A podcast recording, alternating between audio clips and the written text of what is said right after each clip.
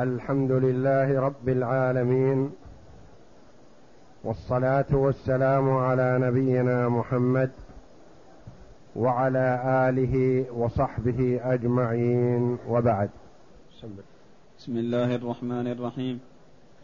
قال المؤلف رحمه الله تعالى فصل في وقت وجوبه روايتان إحداهما إذا أحرم بالحج. لقول الله تعالى فمن تمتع بالعمرة إلى الحج فما استيسر من الهدي وبإحرام الحج يفعل ذلك فيجب الدم. والثانية إذا وقف بعرفة لأن الحج لا يحصل إلا به وهو معرض للفوات قبله فلا يحصل التمتع. قول المؤلف رحمه الله تعالى فصل وفي وقت وجوبه أي وجوب الهدي. متى يجب الهدي؟ قال في وقت وجوبه روايتان. إحداهما أنه يجب الهدي إذا أحرم بالحج. وجب عليه الهدي. وقبل أن يحرم بالهدي بالحج فلا يجب عليه هدي. الرواية الأخرى أنه يجب عليه الهدي بالوقوف بعرفة لأنه عرف أنه دخل في الحج وأدرك عرفة فوجب عليه الهدي أي أنه قبل هذا الوقت لا يجب عليه الهدي. فقبل الإحرام بالحج لا يجب عليه هدي لأنه قد يتمتع بالعمرة إلى الحج ثم يسافر قبل الحج ولا يحج. فحينئذ لا يجب عليه هدي. إنما يجب إذا أدى العمرة وتلبس بالحج. والتلبس يكون بالإحرام أو بالوقوف بعرفة. وفائدة هذا الخلاف أنه قد يكون واجدا للهدي. ثم يعسر فيه. فيكون الهدي قد وجب عليه. فلا يسقط عنه ولا يتحول للصيام. بخلاف ما إذا قلنا إنه لا يجب عليه الهدي إلا بالوقوف بعرفة. فإذا أيسر بعد الإحرام بالحج ثم أعسر قبل الوقوف بعرفة فلا يجب عليه حينئذ الهدي ولا يكون استقر في ذمته. فأما وقت ذبحه فقال أحمد رحمه الله إن قدم مكة قبل العشر ومعه هدي نحره عن عمرته لئلا يضيع أو يموت أو يسرق. فإن قدم في العشر لم ينحره حتى ينحره بمنى لأن أصحاب النبي صلى الله عليه وسلم ورضي الله عنهم قدموا في العشر فلم ينحروا حتى نحروا بمنى. فجوز النحر قبل إحرامه بالحج لأنه حق مال يتعلق بسببين فجاز تقديمه على أحد سببيه كالزكاة. فأما وقت الذبح متى وقت الذبح؟ يقول الإمام أحمد رحمه الله إذا قدم قبل دخول العشر جاز له أن يذبح هديه ليتخلص منه خشية أن يضيع أو يموت أو يسرق. وأما إذا قدم بعد دخول العشر فلا يذبحه إلا يوم العيد أو في ثلاثة أيام بعده. لا شك أن الذبح يوم العيد وثلاثة أيام بعده هذا محل وفاق. لا خلاف فيه ولا إشكال لأن النبي صلى الله عليه وسلم ذبح يوم العيد. لكن الذبح قبل قبل دخول العشر. ما هو دليله؟ ما ذكروا دليلا وإنما استحسانا. خشية خشية التلف فيذبحه للتخلص منه. ولا شك أن الأخذ بما فعل النبي صلى الله عليه وسلم هو الأولى والأسلم والتأكد من أن المرء أدى هديه كما شرعه الله ورسوله. فصل. فإن لم يجد الهدي فعليه صوم ثلاثة أيام في الحج ثلاثة أيام في الحج وسبعة إذا رجع. لقول الله تعالى فمن لم يجد فصيام ثلاثة أيام في الحج وسبعة إذا رجعتم. وتعتبر القدرة في موضعه لأنه مؤقت له بدل فاعتبرت قدرته في وقته كالوضوء.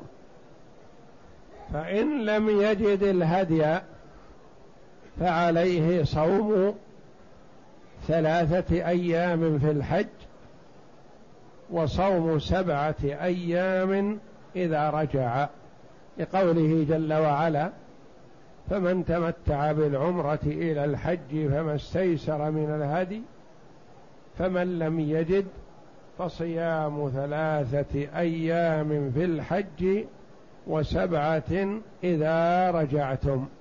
تلك عشرة كاملة. ذلك لمن لم يكن أهله حاضر المسجد الحرام. من لم يجد الهدي فعليه الصوم عوضا عن الهدي. وتعتبر القدرة في موضعه. معنى هذا الكلام يعني في حال الوقت وفي مكة. الرجل غني في بلاده ويستطيع الهدي ويستطيع أن يستدين حتى يصل أو يقترض حتى يصل فهل له أن يصوم إذا لم يكن بين يديه شيء في مكة مع القدرة عليه في البلاد؟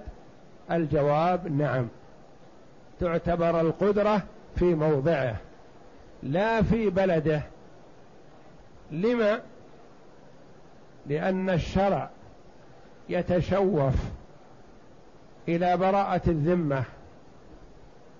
ولا يريد إشغالها بشيء يمكن التخلص منه لأن المرأة قد يستقرض فلا يستطيع السداد قد يستدين فلا يستطيع السداد فلذا يصوم ولا يشغل ذمته بشيء قد لا يستطيع الوفاء به.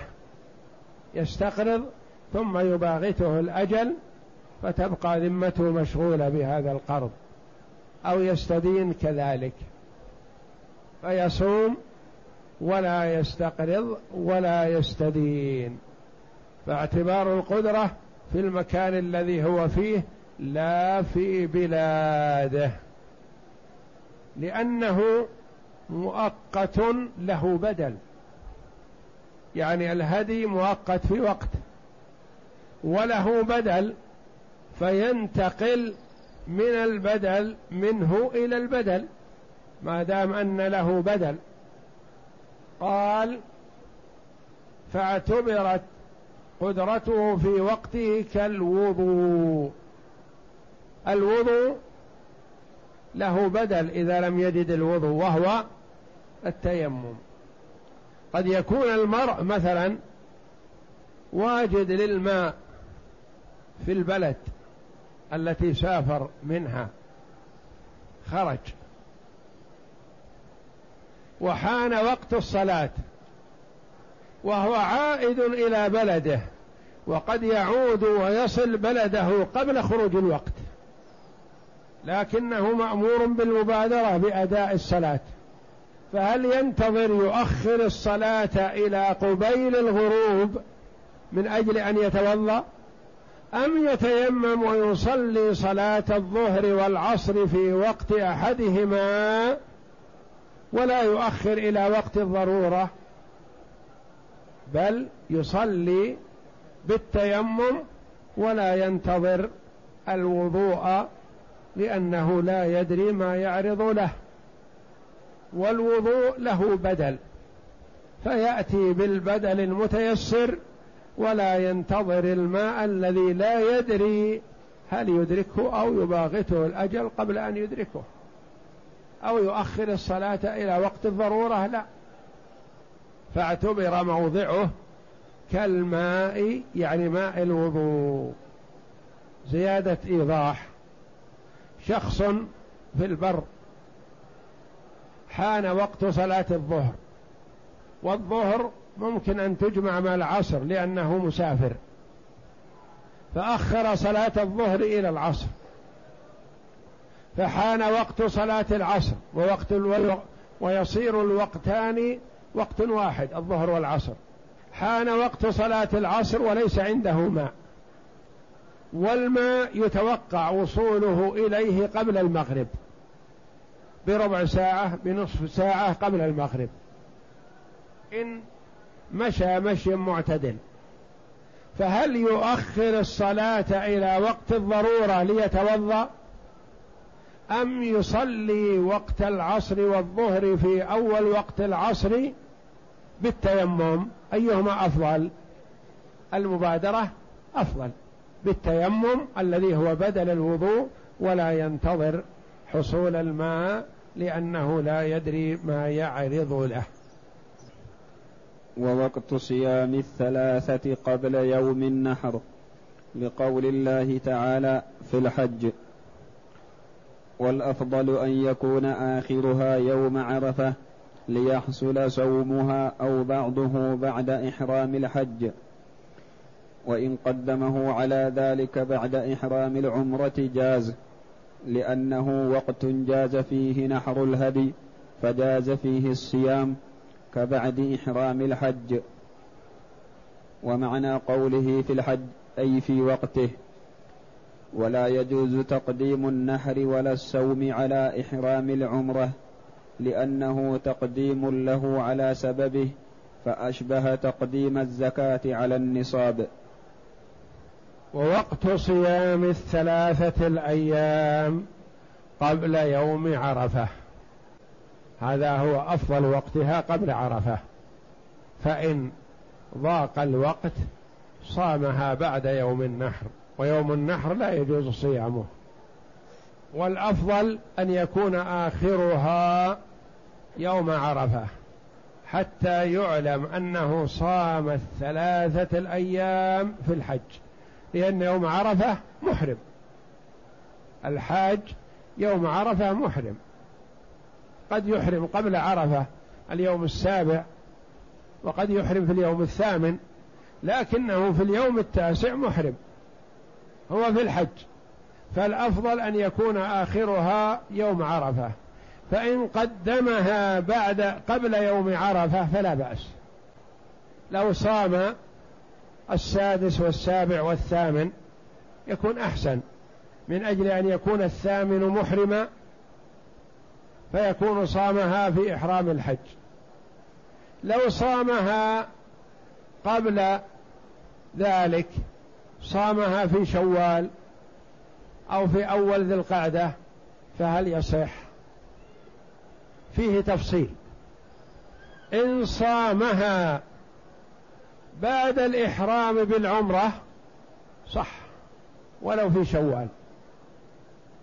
وإن صامها قبل الإحرام بالعمرة ما صح ولو في ذي القعدة أو ذي الحجة.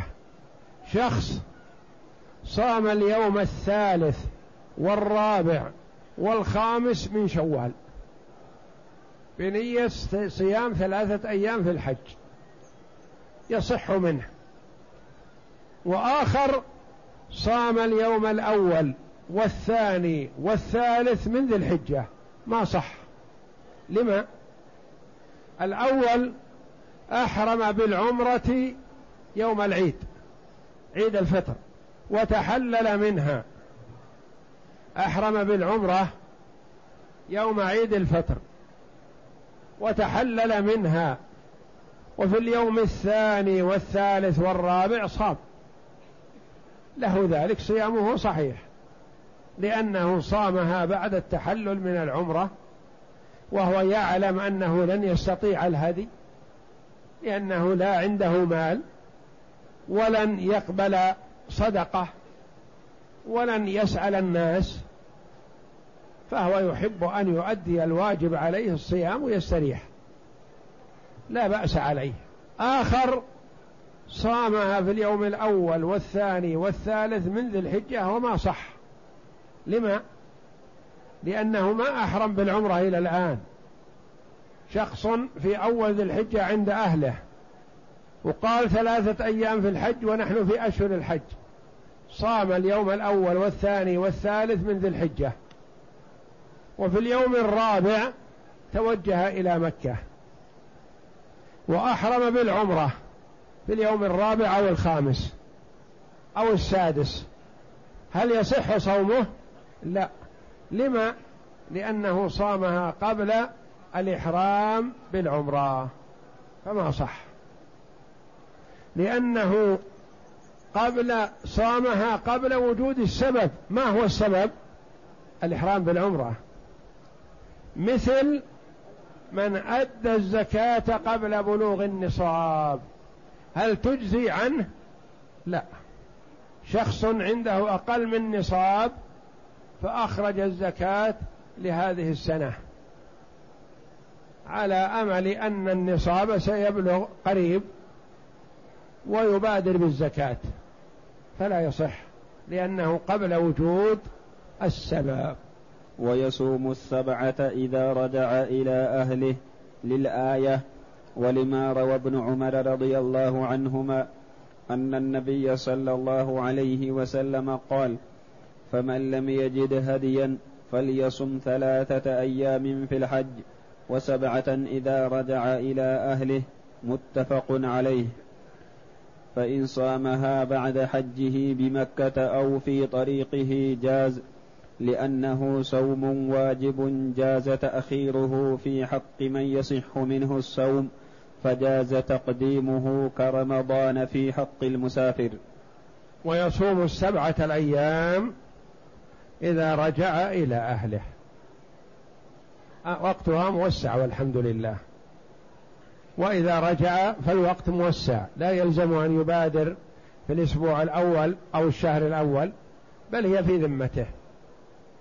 لكن شخص أراد أن يحرص على براءة ذمته. فبعدما نزل من عر... من منى في اليوم الرابع أو الخامس عشر من ذي الحجة صام السبعة. وقال أصومها وصامها في مكة وبعضها في الطريق إلى أهله. لما وصل إلى أهله وقد انتهى من صيامها. هل تجزي؟ نعم تجزي. لأنه صوم واجب هو واجب عليه هذا الصوم. وإنما قدمه حرصا منه على براءة الذمة.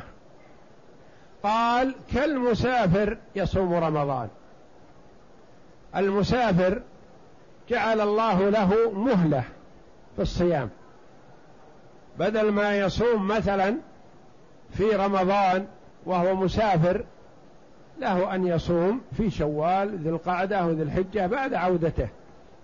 لكنه أحب أن يبرئ ذمته صام وهو مسافر. فهل يجزئ الصيام؟ نعم يجزي. لأنه مخاطب بالصيام ومعفو عنه في التأخير لكنه ما أحب أن يؤخر.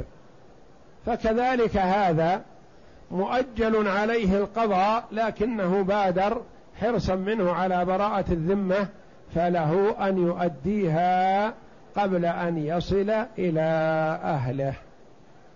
ولا يجب التتابع في شيء من صوم المتعة لأن الأمر به مطلق فلم يجب التتابع فيه كقضاء رمضان. فإن لم يصم الثلاثة قبل يوم النحر صام أيام منى في إحدى الروايتين لقول ابن عمر وعائشة رضي الله عنهم لم يرخص في صوم أيام التشريق إلا للمتمتع إذا لم يجد الهدي. والثانية لا يصومها لنهي النبي صلى الله عليه وسلم عن صوم أيام التشريق ويصوم بعد ذلك عشرة أيام. ولا يجب التتابع في صيام المتعة سواء السبعة أو الثلاثة.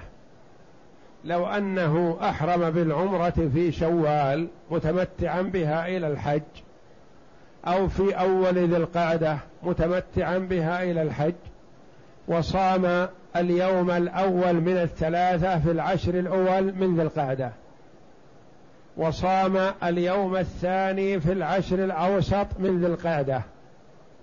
وصام الثالث في العشر الأواخر من ذي القعدة أو في العشر الأول من محرم من ذي الحجة.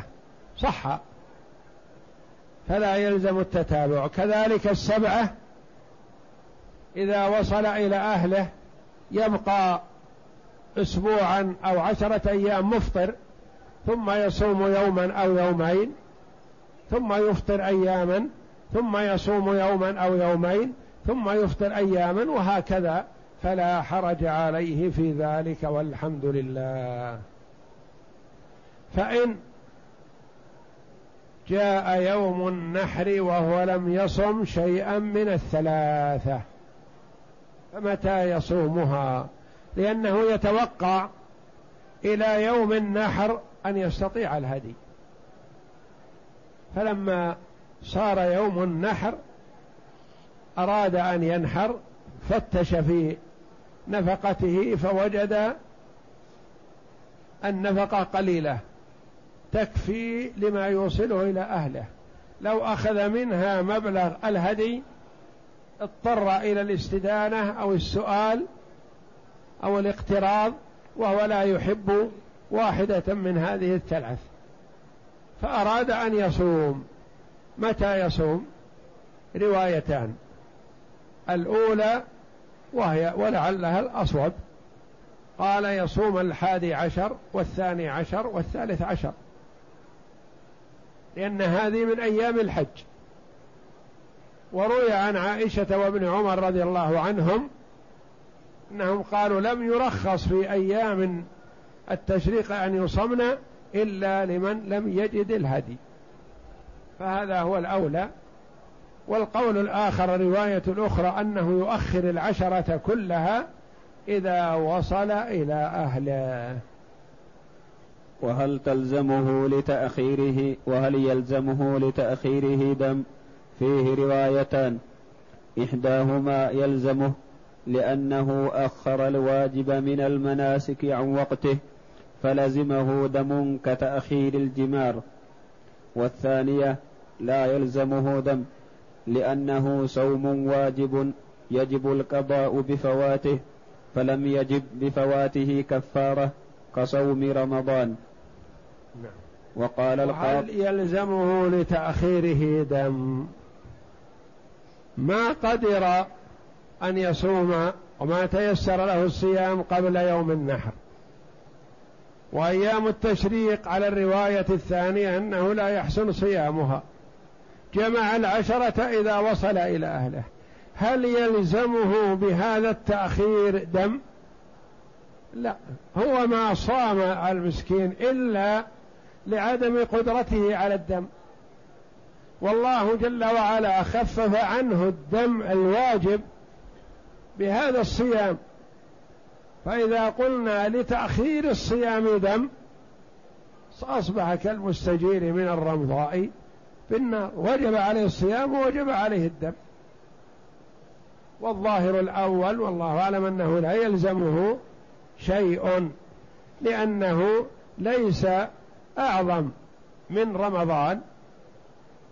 ورمضان والحمد لله يجوز تأخيره للمعذور. فصيام الثلاثة يجوز تأخيرها للمعذور. وقال القاضي إن أخره لغير عذر لتفريطه لزمه وإن أخره لعذر لم يلزمه. وإن وقال القاضي رحمه الله وإذا قيل القاضي فالمراد به القاضي عياض. القاضي أبي يعلى في الفقه. إذا قيل القاضي في الفقه فهو من أصحاب الإمام أحمد رحمهم الله. فيقول فيه تفصيل. إن كان تأخيره الصيام لعذر فلا يلزم إلا الصيام.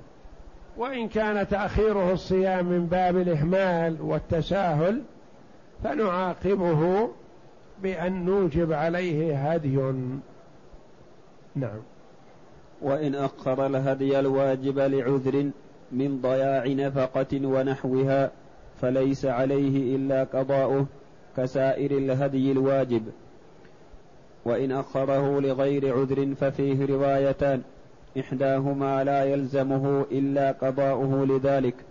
والثانية عليه هدي آخر لما روي عن ابن عباس رضي الله عنهما أنه قال من تمتع فلم يهد إلى قابل يهدي هديين ولأنه نسك مؤقت فوجب بتأخيره دم كالرمي. وإن أخر الهدي الواجب لغير عذر من ضياع نفقة. هذا كأخر الصيام. وهذا الكلام في من أخر الهدي. يعني هو قادر على الهدي ومعه هدي. لكن أخر ذبحة أو أخر شراءة إلى اليوم الرابع عشر مثلا من ذي الحجة. هذا أخطأ بتأخيره. هل يلزمه هدي لهذا التأخير أم لا؟ أو أخره إلى السنة القادمة؟ هل يلزمه هدي أم لا؟ قال فيه تفصيل. إن كان التأخير هذا لعذر ما معه نفقة وأخذ يبحث عن نفقة أو عن عمل أو عن شيء ما لأجل يشتري هدي فهذا تأخير لعذر فليس عليه إلا قضاؤه. فإن كان التأخير لغير عذر كأن يكون من باب التساهل وعدم المبالاة فيلزمه مع هذا الهدي هدي آخر. لأن من أخر الواجب لغير عذر لزمه هدي والهدي هذا واجب فلزمه الهدي ولزمه هدي لهذا التأخير. الأول في الصيام والثاني هذا في تأخير الهدي فلا تكرار. نعم. فصل ومن دخل في الصوم ثم قدر على الهدي لم يلزمه الانتقال إليه لأنه صوم شرع فيه لعدم الهدي فلم يلزمه الانتقال عنه كصوم السبعة وله الانتقال إليه لأنه الأصل وهو أكمل. ومن دخل في الصوم ثم قدر على الهدي. إنسان عرف أنه لا يستطيع الهدي. فلما كان اليوم السادس من ذي الحجة صام اليوم الأول. ثم يسر الله له في اليوم السابع مال. فصار قادرا على الهدي والهدي إلى الآن ما جاء وقته. فهل يجب عليه أن ينتقل إلى الهدي؟ وقد شرع في الصيام وصام يوما ونصف أم لا يجب عليه؟ وهل يجوز له أن ينتقل إلى الهدي أم لا يجوز له؟ فهمنا؟ هل يجب عليه الانتقال للهدي أو لا يجب؟ فإن قلتم لا يجب فهل يجوز له الانتقال إلى الهدي أم لا يجوز؟ نعم نقول من حيث الوجوب لا يجب عليه الانتقال لأنه دخل في الكفارة في البدل عن الصيام فلا يلزمه الانتقال من حيث اللزوم. مثل هذا سائر الكفارات والله أعلم. شخص يريد أن يكفر عن قتل الخطأ بصيام شهرين متتابعين فصام شهرا ثم قدر على الرقبة. فهل ينتقل للرقبة ويترك الصيام؟ من حيث الجواز يجوز له من حيث الوجوب لا يجب عليه.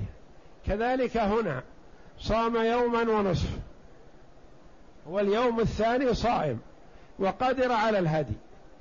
فلا يجب عليه ترك الصيام والانتقال إلى الهدي.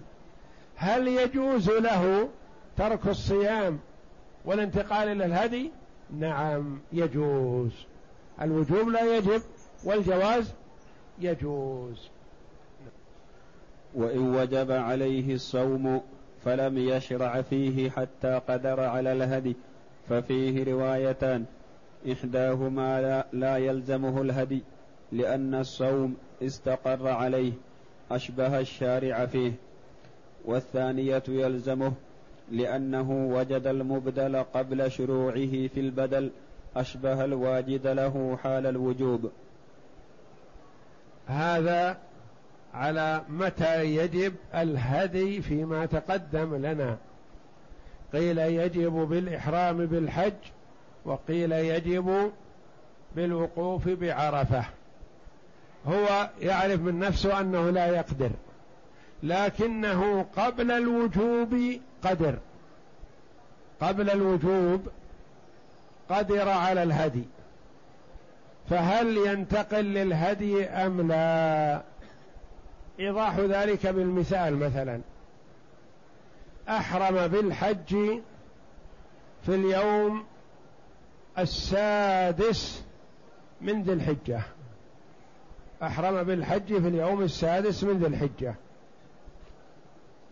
وهو يعرف أنه لا يقدر ويريد أن يصوم فقبل أن يصوم قدر على الهدي.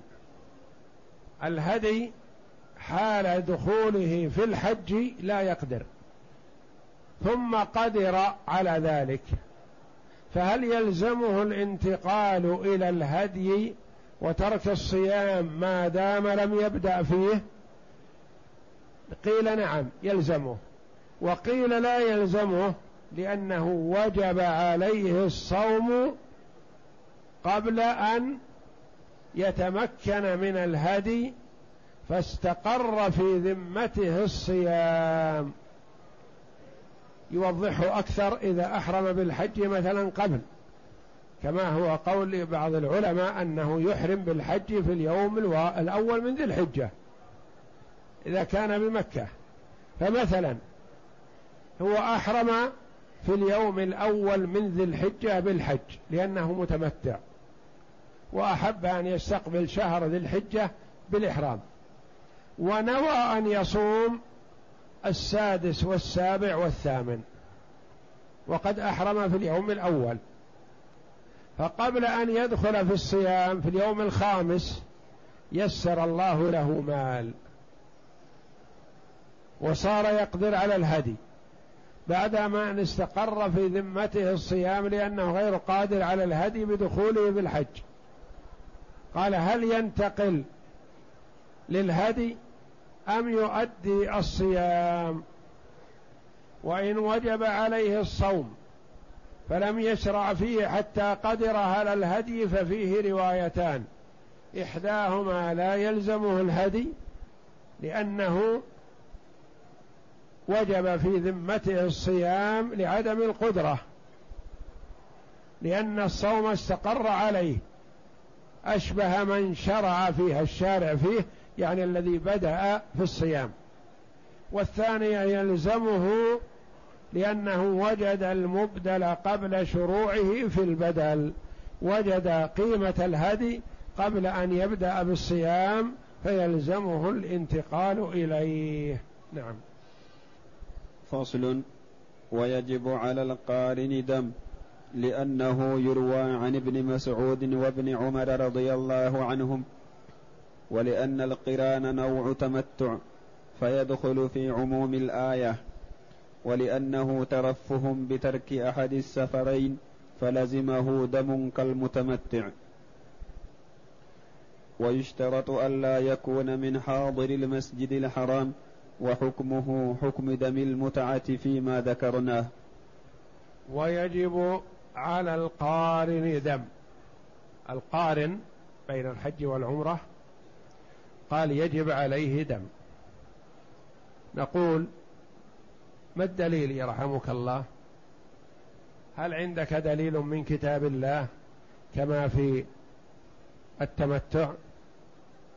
فمن تمتع بالعمرة إلى الحج فما استيسر من الهدي فمن لم يجد فصيام ثلاثة أيام في الحج وسبعة إذا رجعتم تلك عشرة كاملة هل عندك دليل مثل هذا؟